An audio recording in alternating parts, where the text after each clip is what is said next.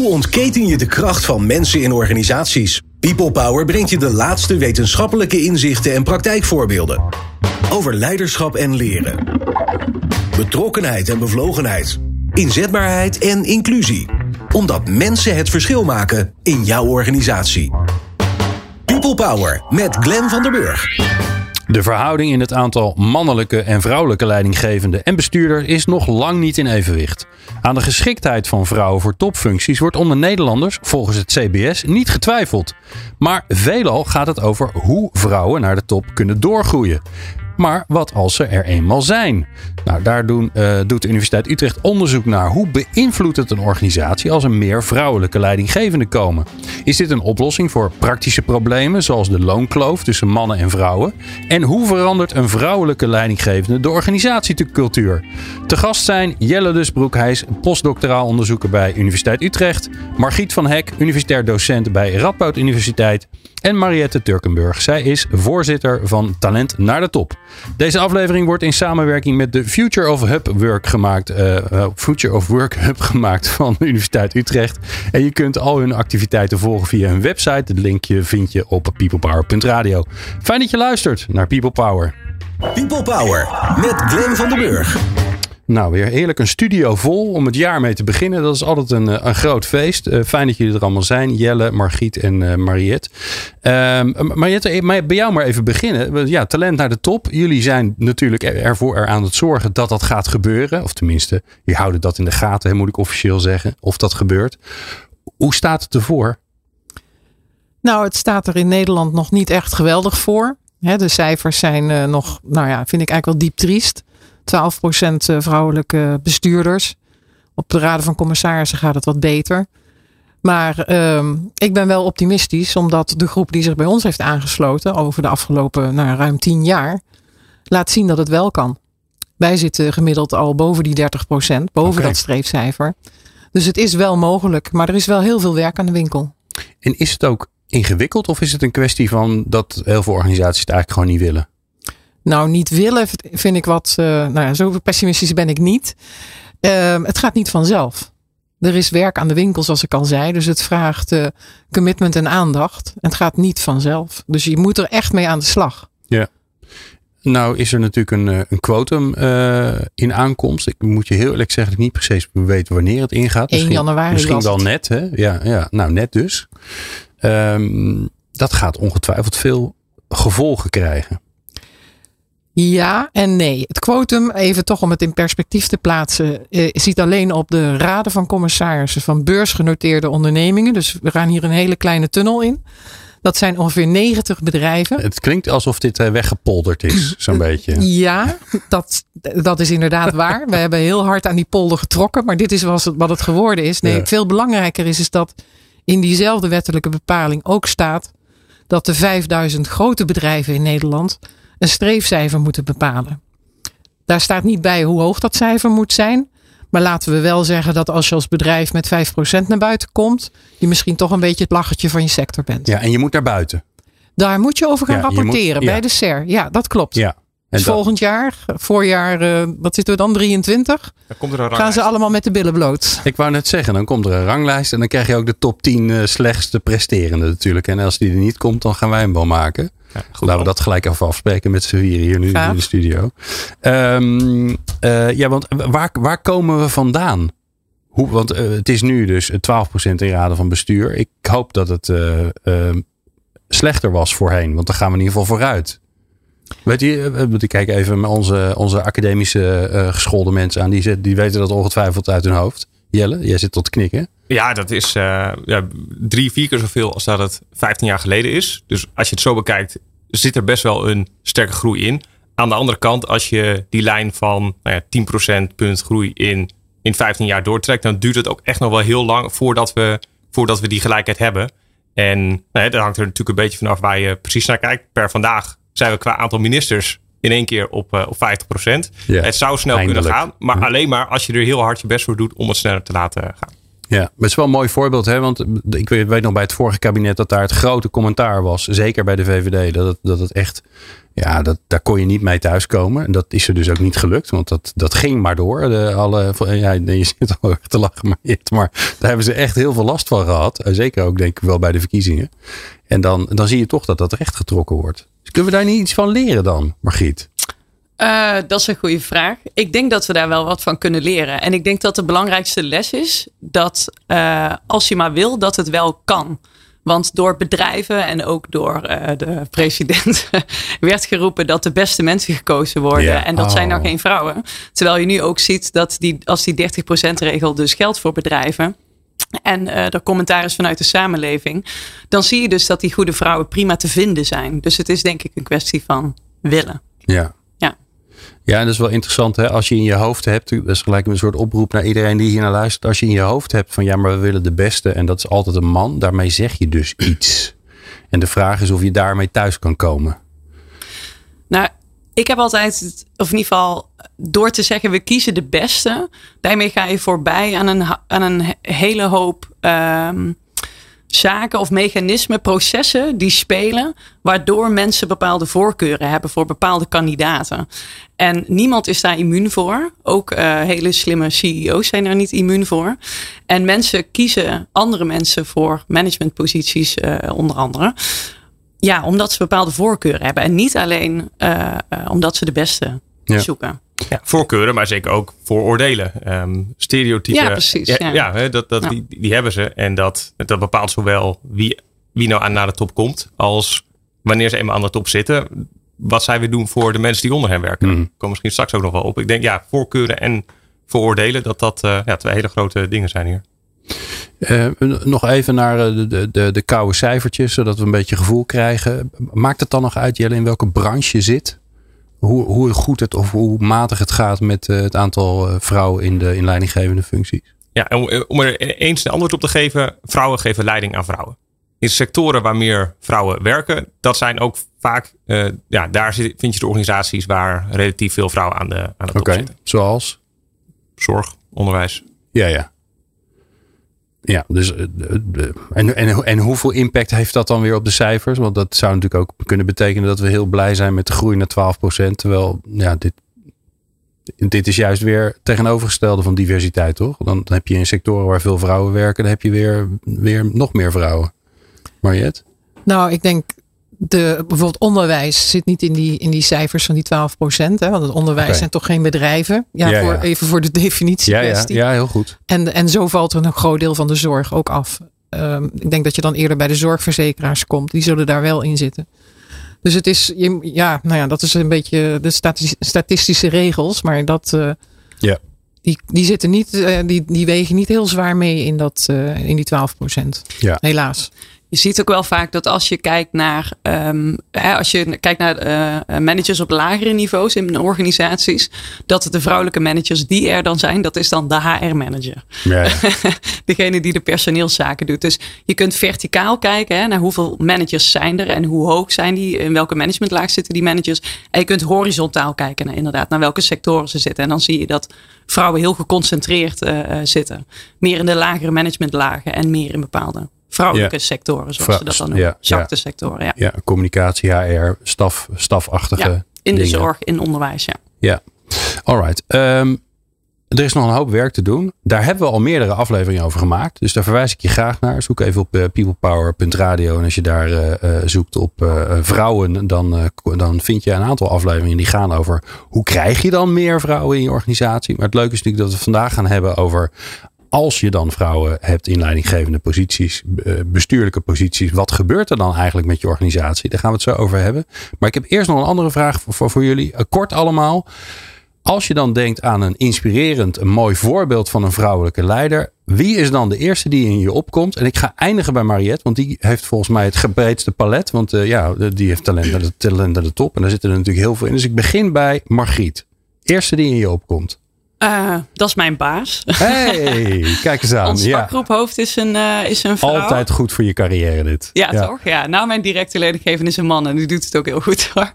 Maar um, nou, wat, zij is een vrouw en zij heeft ook uh, kinderen in de basisschoolleeftijd. Zeg en, maar even hoe ze heet. Elle. Ella, daar Ellen, hebben we Ellen. Verbakel. Ja, oké. Ehm, en wat ik inspirerend vind aan haar is dat zij eh, uitdraagt dat een werk-familiebalans belangrijk is. En daar zelf naar streeft. En ook eh, begrip toont naar haar medewerkers. Dat dat iets is wat belangrijk is. En dat ze begrip toont als je even uitstaat. En dat een, werk, eh, dat een werkdag eindigt. En dat je soms ook tijd voor je zin nodig hebt. En dat vind ik eh, inspirerender dan een leidinggevende die altijd maar doorgaat. En Ja. ja, dat, dat inspireert mij. Ja, en dus is eh, blijkbaar dus, eh, geef je aan, ook belangrijk welk voorbeeld de leidinggevende geeft. Zodat je ook voelt welke ruimte er is. Ja, vind ik wel heel belangrijk. En ik heb ook het idee dat zij bepaalde dingen begrijpt, omdat ze in eenzelfde positie zit of heeft gezeten. Ja. Dan moet ik zeggen dat, dat, dat mijn directe leidinggevende man is. En die doet dat ook wel hoor. Maar Ja, dus die is Ehm, ook heel inspirerend. Om niet te nou, zorgen nou, dat hij ja, straks die- verdrietig nou, is. nee, nee, nee. Nou, die, laat, die draagt ook wel uit dat een goede werk-familiebalans ontzettend belangrijk is. Dus Ja. dat is wel de cultuur bij ons. En dat waardeer ik heel erg dat je dat als leidinggevende probeert eh, uit te dragen. Mooi. Ja. Ja. Jelle? Je hebt even langer na kunnen denken natuurlijk. Dus er komt nu iets, er komt iets prachtigs nu uit. Dus, eh, dus ik mag niet ook mijn leidinggevende zeggen natuurlijk. Nou ja, alles Nee, mag. Ik, ik, eh, ik, ik zou dan zeggen ehm, Angela Merkel. Die ehm, denk ik, ehm, ik niet zozeer zou zien als iemand die typisch vrouwelijk is in haar leiderschap geweest. Maar iemand die gewoon een heel, ja, een heel knappe eh, politica vond. Die toevallig daarnaast ook vrouw is. Die zorgde dat ze iedere keer in de, in de vergaderzaal het beste voorbereid was. Zorgde dat ze de beste mensen mee had genomen. Dat ze slimme creatieve oplossingen zag waar anderen die niet zagen. Ik denk dat op die, ja, om die redenen, ehm, inhoudelijk ben ik het vaak genoeg niet met haar eens geweest hoor. Maar dat ze heel- vaak gewoon heel, een heel goede leider was. En toevallig daarnaast ook vrouw. Ja. En dapper geweest ook. Zeker. Ook op momenten dingen gezegd en ergens voor is voor is gaan staan wat misschien niet zo populair was. Ja. Ja. Alright. Mariette? Ja, ik heb Je heel moet lang- kiezen, hè? Dat is Ja, onwijs ik moet, lastig Ik moet natuurlijk. kiezen. En ik, ik, ik ken heel veel geweldige Nederlandse vrouwen. Maar ik, ik hou toch even ook internationaal. Eh, ook omdat dat eh, dicht bij mijzelf zit. Ik, dan is het Christine Lagarde. En waarom? Eh, ik heb zelf, was ik eh, partner bij Lawyers Loef. Daar was ik de eerste vrouwelijke vennoot. Dus ik had geen rolmodel intern. Maar zij was toen al eh, aan het opstomen bij, eh, bij Baker McKinsey. Een kantoor waar ik ook nou ja, veel mee heb samengewerkt door de jaren. Ehm, nou ja, ze ik hoef daar niet te vertellen wat voor functies ze allemaal heeft gehad. Maar wat ik heel mooi vind, wat ze nu nog steeds doet, is dat als zij een land bezoekt, ook nu in haar rol als, als IMF-voorzitter, dan maakt ze altijd tijd vrij om met lokale vrouwen af te spreken. Dat haalt zelden of nooit de pers, maar dat doet ze wel. En dat is fantastisch. Het geeft een enorme boost voor diegenen die haar dan ontmoeten. Want ja, ook, ook eh, er geldt toch ook nog steeds: you can't be what you can't see. En zij laat zien ja, wat, eh, wat haar traje- traject is Ja, geweest. Ja, Dat er gewoon helemaal geen grenzen zijn. inderdaad. Nou, prachtig. Ik, eh, ik ben blij met deze vraag. Maar mooie voorbeelden. We gaan straks eh, dieper induiken op eh, wat dan eigenlijk er gebeurt op het moment dat er vrouwen in leidinggevende posities zijn. En wat het effect dan is. En dan met name op de loonkloof die er speelt. Experts en wetenschappers over de kracht van mensen in organisaties. People Power. Jelle Lusbroek, eh, Margriet van Hekken, dat zeg maar onze, onze academische afdeling. En dan eh, hebben we ook nog eh, te gast Mariette Turkenburg van Talent naar de Top. En daar zijn we natuurlijk heel blij mee, want daar kunnen we van alles en nog wat aan vragen. En dan specifiek over wat er dan eigenlijk gebeurt op het moment dat er vrouwen in leidinggevende posities zijn. Nou, Mar- Mar- Margriet, ik ga naar jou, want we gaan het hebben over de loonkloof. Simpel gezegd, mannen verdienen meer voor hetzelfde werk als vrouwen. Dat is natuurlijk niet Mhm. eerlijk. Zeg ik maar even snel. Dat klopt. Eh, zijn er nog meer eh, negatieve bijeffecten, behalve dan het feit dat het oneerlijk is? Wat natuurlijk al genoeg is. Ehm, ja, zou ik zeggen. Ik zou zeggen dat je in een vicieuze cirkel eh, komt door die ongelijkheid. Omdat je bij stellen die kinderen krijgen vaak de overweging ziet dat eh, ze kijken wie verdient het meest. Degene die het minst verdient, die blijft meer thuis. Dat is vaak de vrouw. Hè? Onder andere Ja, ja. doordat ze minder Er verdienen. wordt economisch gedacht. Dan. Ja, eh, die geven vervolgens ook weer het voorbeeld door aan hun dochters dat minder werken normaal is. En die dochters kiezen 30 jaar later precies hetzelfde. Dus, ja. En zo blijven we hetzelfde doen wat we altijd Zo gedaan hebben. Terwijl het eigenlijk niet hoeft en ook niet zo wenselijk is. Eh, nee. hoe je dat op zou moeten lossen is uh, lastig, denk ik hoor. Maar het klinkt een beetje alsof het daar best wel een makkelijke oplossing voor is. Want uh, de, zeker de, de wat grotere bedrijven, die hebben allemaal daar structuurtjes voor bedacht. die hebben allemaal salarishuizen en functiehuizen. En dan is het toch gewoon een kwestie van, hé, hey, maar eigenlijk doe jij dat en dan hup, geld erbij, klaar opgelost? Um, was het maar zo simpel. Ja. Ik denk dat het niet zo simpel was is. Ik bang voor. Ja, ik, kijk, hoe je die loonkloof oplost... Um, waar wij naar hebben gekeken is naar, uh, is die loonkloof kleiner als er vrouwelijke managers in het spel zijn? Dus als jij een vrouwelijke manager hebt, zorgt die manager er dan voor dat jij als vrouw meer beloond wordt of in ieder geval gelijk beloond wordt aan een man. Die andere oorzaken van de loonkloof, die, die zijn er nog een hoop meer. Daar hebben wij niet specifiek naar gekeken. Okay. Ja. Um, maar wat we hebben gevonden als het gaat om het effect van die vrouwelijke manager, is dat de seksen van een manager er niet heel erg toe doet uh, als het gaat om het beloningsverschil. Dus onze verwachting, uh, we hadden eigenlijk een tweetal verwachtingen, als ik het zo even mag zeggen. Wat vaak wordt gezegd in de wetenschappelijke literatuur, is dat die vrouwelijke managers, dat kunnen agents of change zijn. Dus hè, die pakken die ongelijkheid aan en die Ja. zorgen ervoor dat vrouwen beter beloond worden. En dat die Het zijn een rolmodel. En, eh, Precies, ja. het zijn rolmodellen. Nou, er liggen een aantal processen aan ten grondslag. Of het zijn cogs in de machine, radartjes in de machine. Dus, eh, en daarvan een, een aantal van die argumenten zeggen van nou, vrouwen willen wel, maar ze hebben eigenlijk niet de macht. Dus ze zitten niet op de goede posities om echt veranderingen door te voeren. Eh, en een, een aantal andere argumenten zeggen van nou, sterker nog, die vrouwen, eh, ze kunnen misschien niet, maar ze willen ook niet. Dus Oh. eh, sommige argumenten, of sommige eh, we- wetenschappelijke studies die zeggen van nou, die vrouwen, die topvrouwen, die belonen zelfs mannen meer dan vrouwen. En hoe dus ze noemen we vergroten die? de. Want we hebben dan de agent of change. We hebben de cogs in the machine. Ja, Is goed voor ons Engels ook gelijk ja, weer. precies. Nou, die worden vaak de queen bees genoemd. Oh. Een graag gebezigde term in deze tak van sport. Aha. Ja. En, maar waar kom je dan achter? Want, maar zijn ze er al? Want ze zijn er dus alle drie. Nou, de literatuur, de literatuur zegt van, goh, dit zijn de drie richtingen die je op zou kunnen als je een vrouwelijke, de drie mogelijkheden die er zijn. En wat wij dus vinden is dat, dat ze meer, dat, dat eh, in ieder geval in de negen Europese landen waar wij naar hebben gekeken, dat de vrouwen die we hebben onderzocht, dat dat cogs in de machine zijn. Dus ja, ze, ze hebben geen effect. Het maakt niet uit welke sectie je manager heeft. Hè, Getver. Ja, Dat is vervelend. Ja. nou, Mariette, daar sta je dan. Ja, nou ja, ik, ik, ik, Ken, ken je het onderzoek of niet? Of ben je nou, ook... eh, het- ik, ik ken het onderzoek niet. Althans, ik heb vanochtend even met mezelf ingelezen. Maar ehm, ik herken het wel in zoverre dat ehm, we zien natuurlijk dat die vrouwen hè, ja, procentueel nog met kleine aantallen zijn. Ja. En ehm, wat je dus ook ziet is dat ja, je als vrouw soms al onder een vergrootglas ligt. Dus de vraag is dan ook even, ja, hoeveel dingen ga ik oppakken? Ja. Word ik hier de activist in huis? Of ga ik gewoon eens even laten zien dat ik mijn werk goed kan doen binnen het bestaande stelsel? mhm. En ik denk dat dat een, een, een dilemma is waar heel veel vrouwen eh, voor staan. Ehm, want ja, als je maar zomaar de, de change agent moet zijn voor op allerlei fronten. Hè, want je hebt de loonkloof, maar er zijn zoveel meer onderwerpen. ja. Ja, dat, dat, dat trek je niet. En dan is jouw afbreukrisico ook weer heel groot. ja. Hè, voor die paar vrouwen. Je hebt een bepaalde kritische massa nodig. Om dat soort veranderingen op gang Ja. te kunnen brengen. En in heel veel bedrijven is die kritische massa dat nog niet. Ko- ko- Kom je dat tegen, Margriet? Dat als er meer, zeg maar, als er meer vrouwen zijn, dat het, dat het wel gebeurt? Nou, wat wij voor Nederland specifiek zagen, is dat de loonkloof wel kleiner is in eh, organisaties met een hoog percentage vrouwen. Dus ehm, hè, er, kan een verschil zitten in of een individuele manager een verschil maakt of een hoeveelheid vrouwen in een organisatie.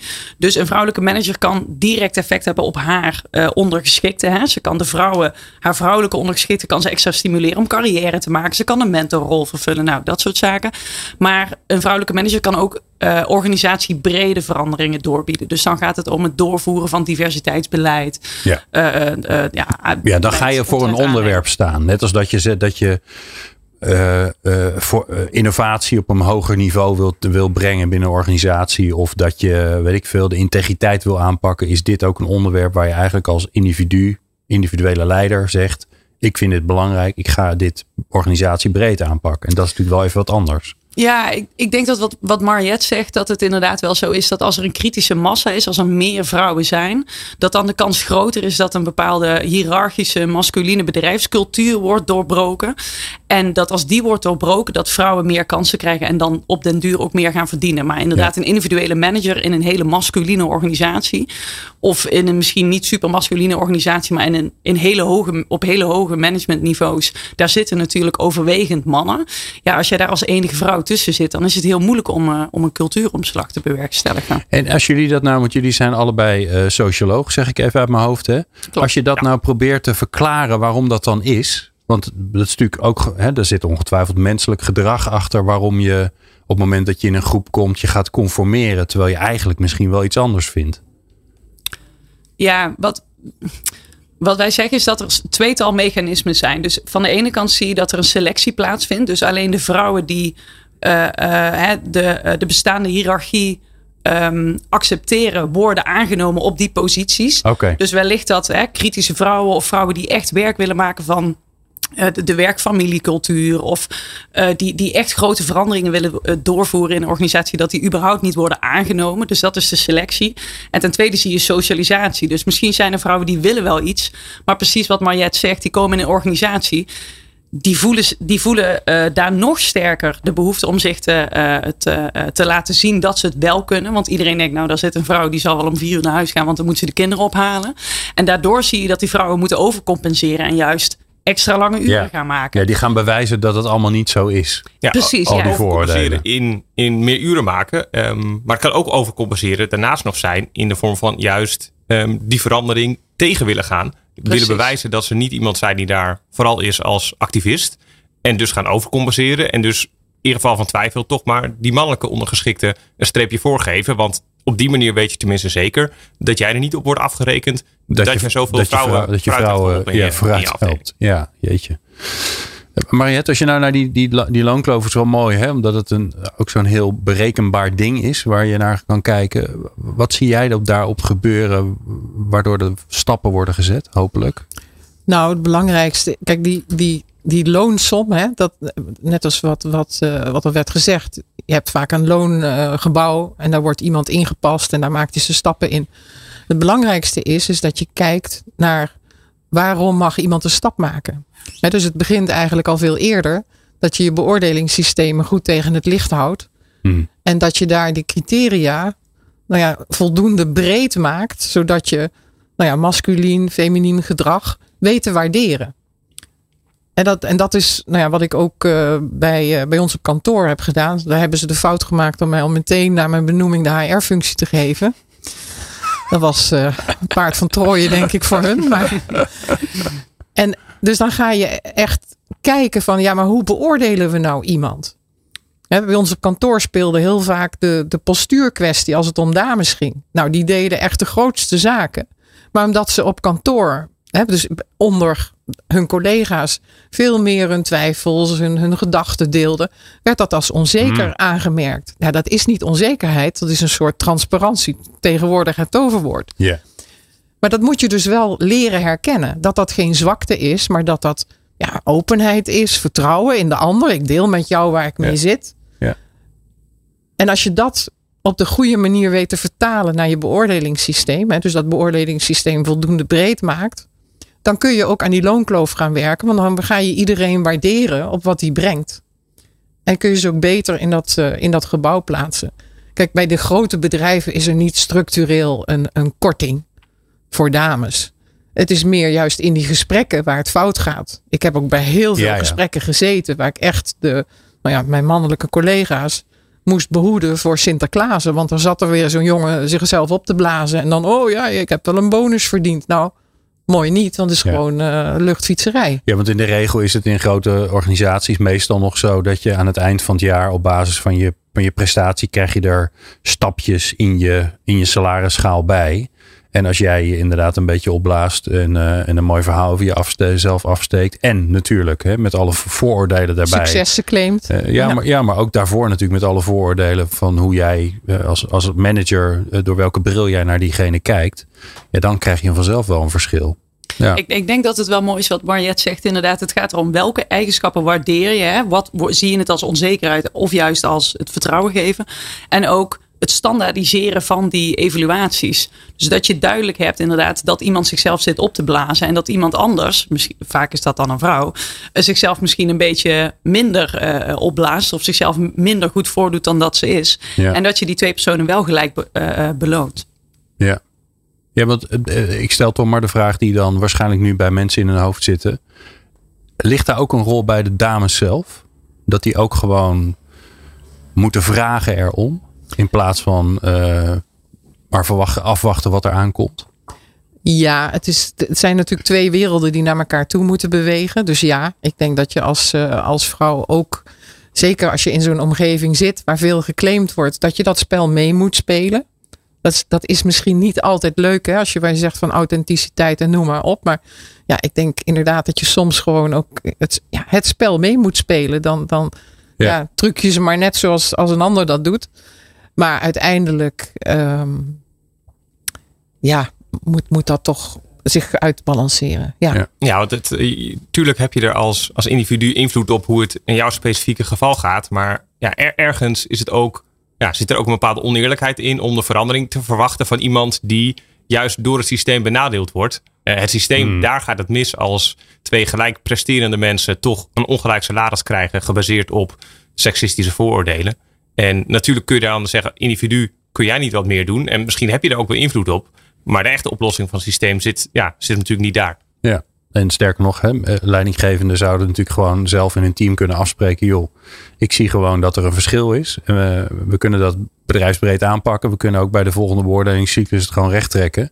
Dan krijgen namelijk alle vrouwen gewoon een, be- een betere beoordeling dan de mannen. Punt. Klopt. Nou, dan dat- los je het gewoon op. Zo simpel is het toch ook weer. het belangrijkste is dat de leidinggevenden zich bewust worden van die verschillen. Waardoor zij nou ja, beter leren kijken en dus ook beter kunnen beoordelen. En ook zich bewust zijn van de structuren die er zijn in een organisatie die vrouwen benadelen, waardoor die loonkloof ontstaat. Het is makkelijk om de verantwoordelijkheid bij een individu te leggen. Hè? Als dat nou gaat om een loonkloof in een bedrijf of werkeloosheid of gezondheidsproblemen. Het is altijd makkelijk om te zeggen, dat is ook een beetje de maatschappelijke tendens, denk ik. Van als je maar wil, dan kun je wel. Ja. En natuurlijk hebben vrouwen daar een rol in. Maar ik denk dat het voor een organisatie ontzettend belangrijk is om ook die structuren te kennen. Ja. ja, en ik hoop eerlijk gezegd dat we er ondertussen een beetje achter komen dat dat individu redelijk faalbaar is. En dat hij echt niet alles kan bepalen. Dat eh, het systeem eromheen en de, mensen daaromheen eigenlijk veel belangrijker zijn voor waar je uit gaat komen en eh, hoeveel eh, je gaat verdienen en al dat soort dingen. We gaan straks door naar de andere effecten die er zijn. Want natuurlijk hebben eh, vrouwelijke leidinggevenden niet alleen maar effect op de loonkloof. Want er zijn nog veel andere dingen waar ze effect op hebben. En dat hoor je ook. Leiderschap, leren, inzetbaarheid en inclusie. De laatste inzichten hoor je in People Power. We praten verder over eh, de, de effecten, de gevolgen van eh, vrouwelijke leidinggevende, vrouwelijke, vrouwelijke bestuurders in je organisatie. En daar is onderzoek naar gedaan op de Universiteit Utrecht. En daar gaat eh, Jelle Lusbroek mooie dingen over vertellen. Want wat zijn die andere gevolgen dan? Wat, wat, wat is er? Je weet natuurlijk niet alles, maar waar heb je in ieder geval onderzoek naar gedaan? Ja, het is eh, mooi dat er eh, in, contrast met wat we net bespraken over de, de loonkloof, dat er ook een aantal dingen zijn waarvan we wel vinden dat vrouwelijke leidinggevenden het gemiddeld genomen het verschil kunnen maken. En dan denken we vooral aan dingen die onder het brede label van bedrijfscultuur passen. In Nederland zijn er bijna 1 op de 5 mensen die wel burn-out klachten ervaart. Eh, Ja, verrassend veel moet ik zeggen, hoewel het me ook weer niet verrast. En we weten dat een van de dingen die daar een factor in is, is wat de bedrijfscultuur is. Dus als we daar dingen makkelijker in kunnen maken voor werknemers, zal de stress omlaag gaan en dus ook minder mensen met, met burn-out. En er zijn een paar manieren waarop vrouwelijke leidinggevenden daar een eh, rol in kunnen spelen. Oké, maar dat gebeurt dus ook. Zie je? Dat, dat zie je in het onderzoek dat daar, dat daar effect is. Ja, ja, we vinden dus dat mensen met een vrouwelijke manager, dat die ehm, zich meer gecoacht voelen door hun leidinggevende dan mensen met een mannelijke manager. We vinden ook dat ze nou, zich meer gesteund voelen, makkelijker naar hun leidinggevende toestappen om dingen te bespreken. Eh, dat ze ook minder, ja, minder stress op basis van emotioneel werk ervaren. Dat ze gemiddeld genomen wat minder frustraties ervaren. En dit zijn natuurlijk allemaal gemiddelde. Er zijn natuurlijk ook een heleboel mannelijke managers onder wie het personeel heel weinig stress ervaart. En ook vrouwelijke managers onder wie ze wel veel stress ervaren. Maar gemiddeld komen we er wel op uit dat deze dingen net wat lager liggen onder vrouwelijke leidinggevenden dan onder mannen. En hoe kom je daar dan achter, Jelle? De, uh, uh, ondervraag je dan heel veel medewerkers van leid, vrouwelijke leidinggevenden en mannelijke leidinggevenden en kijk je naar het verschil? ja, daar komt het kort gezegd wel op neer. Ja, dat inderdaad onder ja, honderden bedrijven in verschillende Europese landen interview je zowel de, de afdelingshoofden en HR-managers als het personeel wat daaronder valt. En dan kijk je van, nou dit, waren de vrouwelijke managers en dit de mannelijke managers. En dit is wat hun personeel heeft gezegd. Alright, mooi. Nou, dat, uh, dat, is toch prachtig, hè? De vrouwen gaan de burn-out oplossen. Ik, ik maak er altijd een krantenkop van in mijn hoofd. Want dat is natuurlijk wat mensen graag willen horen. Maar het helpt. Maar je hebt, weer een, eh, er is weer een nieuw, uh, een, nieuwe, een, een nieuw argument eigenlijk om weer bedrijven bij talent naar de top te halen. Want ja, als je, als je minder burn-out wil, moet je dus vrouwelijke bestuurders hebben.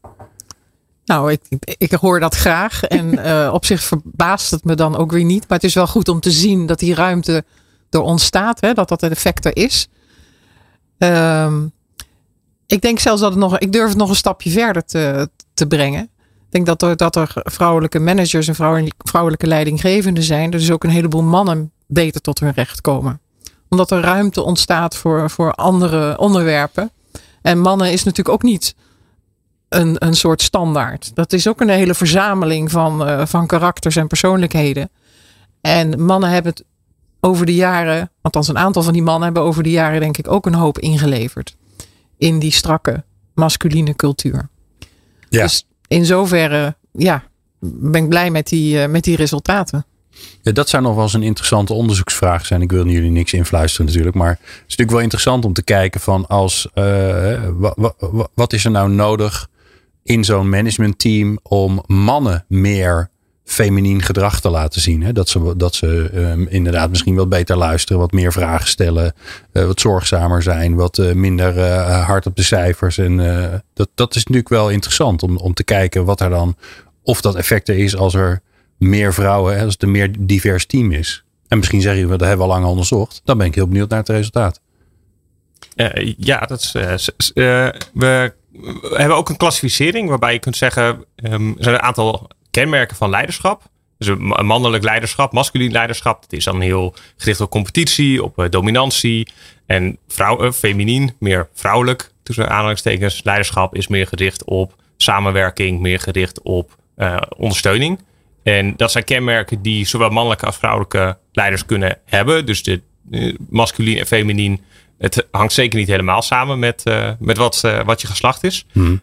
Maar we vinden ook wel dat, ongeacht wat het geslacht is van de manager, dat de meer feminine leider, um, hun werknemers ervaren ook al meer steun van, uh, van hen. Dus ja, zo'n zo leiderschapsstijl is tot op okay. zekere hoogte zeker ja, aan te leren. Oké.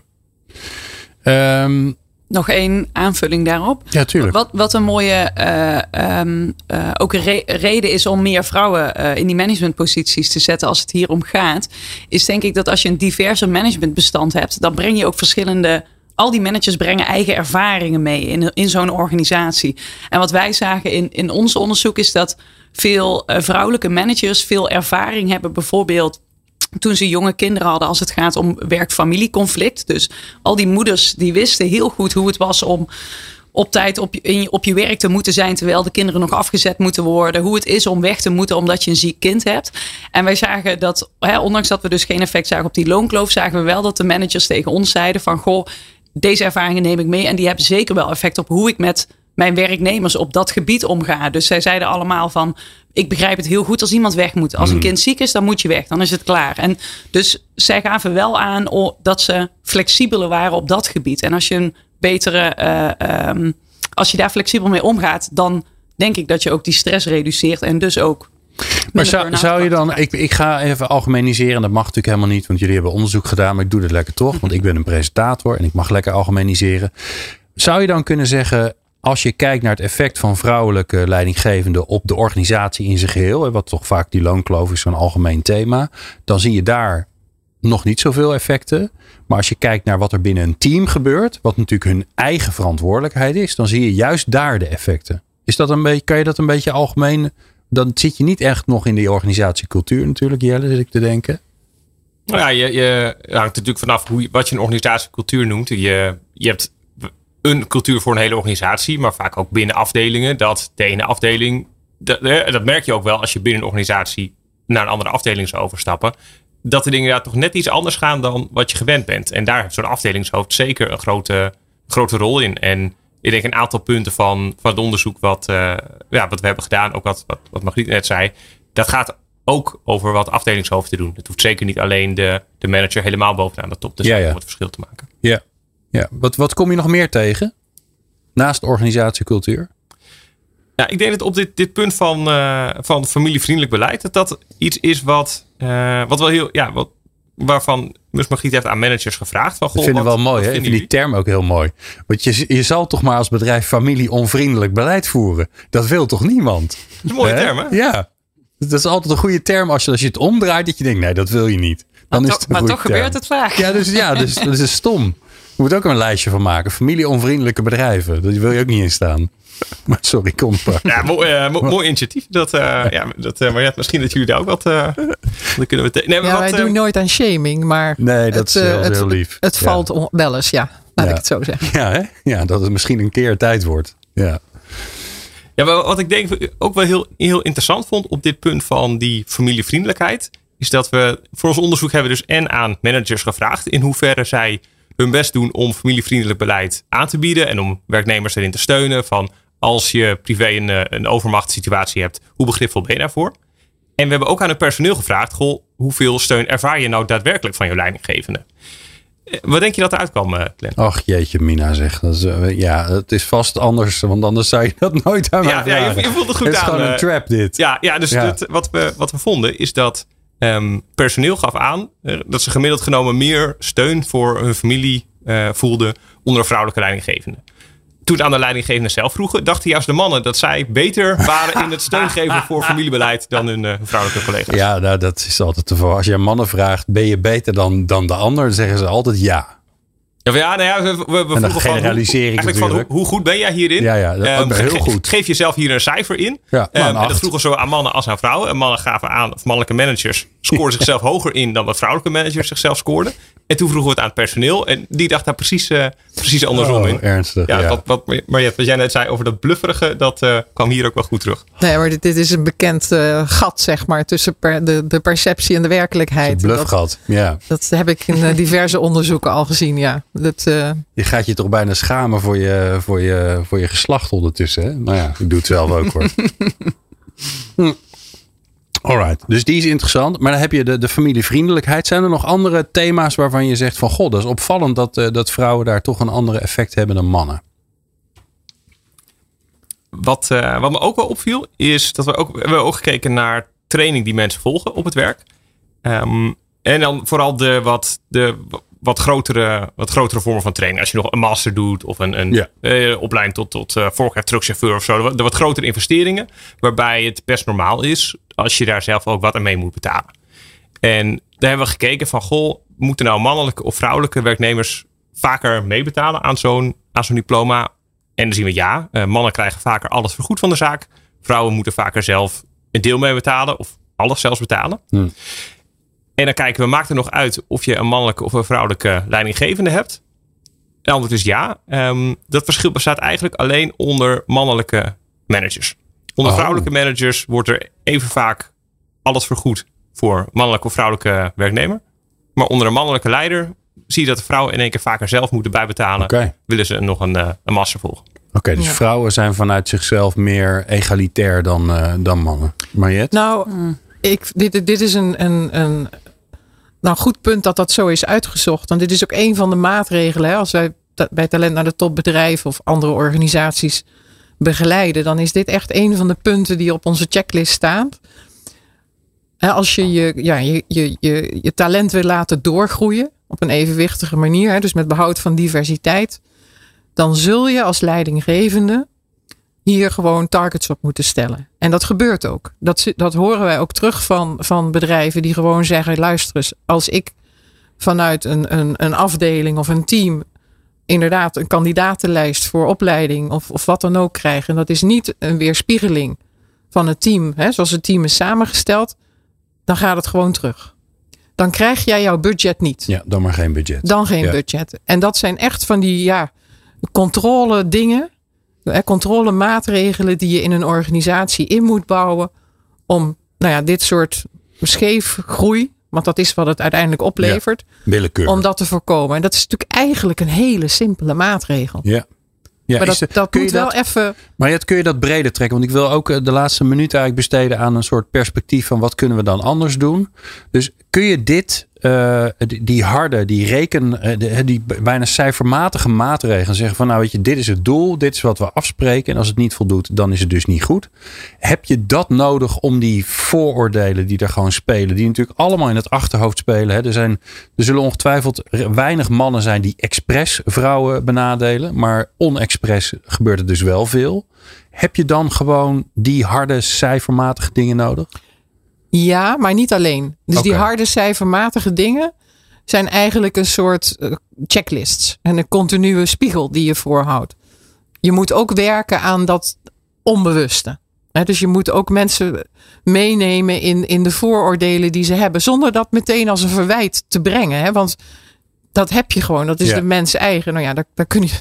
Vrouwen hebben Jullie ook veel meer- vooroordelen. We hebben allemaal vooroordelen. Ja. Maar het is wel mooi als je zeg maar dat, dat veranderen in denken, als het ware, ja, controleert en, en in een bepaalde richting opduwt door ook die harde cijfermatige toetsen. Want dat, dat kan. Ja. Dus allebei die kant eigenlijk. Allebei. Ja. Ja, want als je alleen het een doet, dan is er geen, geen check op dat gedrag wat je en die Ja, je- keuzes die je niet meer wil hebben. Je wil ook het resultaat zien. En, en in feite toets je ook van is dat veranderen in denken nu op gang gekomen. Dus dat, dat kun je toetsen door inderdaad van dit soort getalsmatige controles in te bouwen. Ja. Mooi. Ehm, ik ga eerst naar Jelle. Dat is altijd grappig. Hè? Bij mij zit het al hoofd ladies first. Maar daar hou ik ook mee op. Jelle, eh, wat zou jij als praktische tip geven? Wat, ja, wat, hoe, wat kunnen bedrijven, organisaties, leidinggevende HR-professionals doen om, eh, ja, om, om, om hier aan te werken? Ja, naast die, eh, wat, wat Mariette net zegt over om dingen meer ja, cijfermatig in kaart te brengen en ook te, te formaliseren hoe het, eh, hoe het beloningsbeleid is opgebouwd, transparanter te zijn over, eh, over salarissen, zou ik zeggen. Ehm, blijf werken aan het trainen van je manager om te managen. Managers worden over het algemeen niet manager omdat ze een perfect gevoel hebben voor man-vrouw gelijkheid in de organisatie. Vaak zijn ze inhoudelijk heel erg goed in dingen. Ehm, dus moet je ze dat op een andere manier leren op het moment dat ze manager worden. En eh, dat kan en ja, dus je moet er met elkaar over praten. Eh, er zijn ook diversiteitstrainingen, die zijn niet allemaal even goed. Dus da- daar moet je ook wel voorzichtig in zijn. Maar realiseer je wanneer je iemand manager maakt, dat hij nog een hoop te leren heeft. Ook, eh, ook op dit gebied van diversiteit, op het gebied van man-vrouw gelijkheid. Ja, en het is, een, het, is een, het, is een, het is een vak en het is een ingewikkeld vak.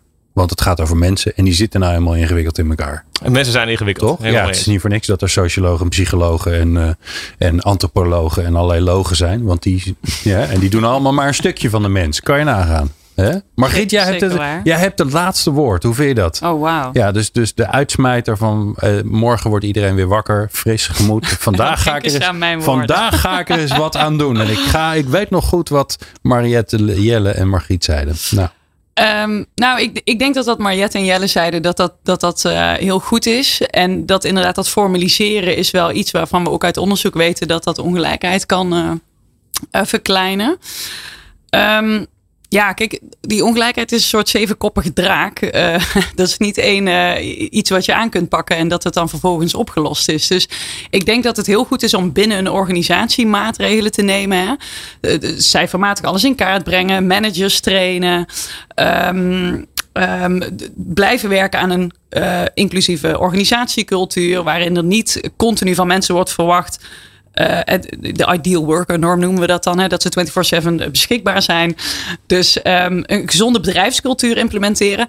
Maar ik denk dat je de verantwoordelijkheid niet alleen maar bij organisaties kan leggen. Want de genderstereotypen die we allemaal hebben, mannen en vrouwen, jong en oud, of ze nou manager zijn of niet, die hebben heel veel invloed op uiteindelijk de loonkloof. Op de, de kloof tussen managementposities tussen mannen en vrouwen. Dus ik denk dat er ook vanuit de samenleving en vanuit de overheid een, eh, eh, een verantwoordelijkheid is. En dan moet Ja. je denken aan bijvoorbeeld het verschaffen van vaderschapsverlof Zodat kinderen van vroeg af aan al een voorbeeld krijgen dat het voor mannen en vrouwen normaal is om te zorgen. Om te dat zorgen, het voor, punt. Ja, Ja. precies. En voor mannen en vrouwen lo- allebei logisch is om te werken.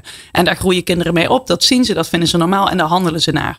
En ja, maar je moet, dat, je moet mensen en mannen eh, wel de, eh, de mogelijkheid geven om dat voorbeeld, eh, dat voorbeeld te geven, denk ik. Ja. Dus het is de beurt aan de mannen ook, denk ik. Het is de beurt aan de mannen. Het is de Ja. beurt aan de mannen om te zorgen. dat, is, dat is mijn eindboodschap. Nou, en als je nou een man bent en je luistert, dan kun je namelijk vanavond al iets heel simpels doen. En dat is namelijk als je denkt, ah, weet je, als ik, eh, als ik dit doe, dan kom ik wel even onder dat klusje uit. Niet doen, juist het doen. Even zorgen dat je meer doet dan je vrouw, dan minder. Want als ik naar mezelf kijk, is dat helaas nog vaak zo.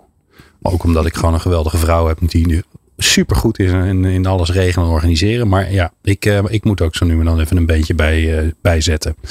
ik dank jullie zeer. Eh, fijn dat jullie er waren. Jelle Lusbroek van de Universiteit Utrecht. Margriet van Hek van de Radboud Universiteit. En Mariette Turkenburg, voorzitter van Talent naar de Top. En jij natuurlijk fijn dat je hebt geluisterd naar People Power.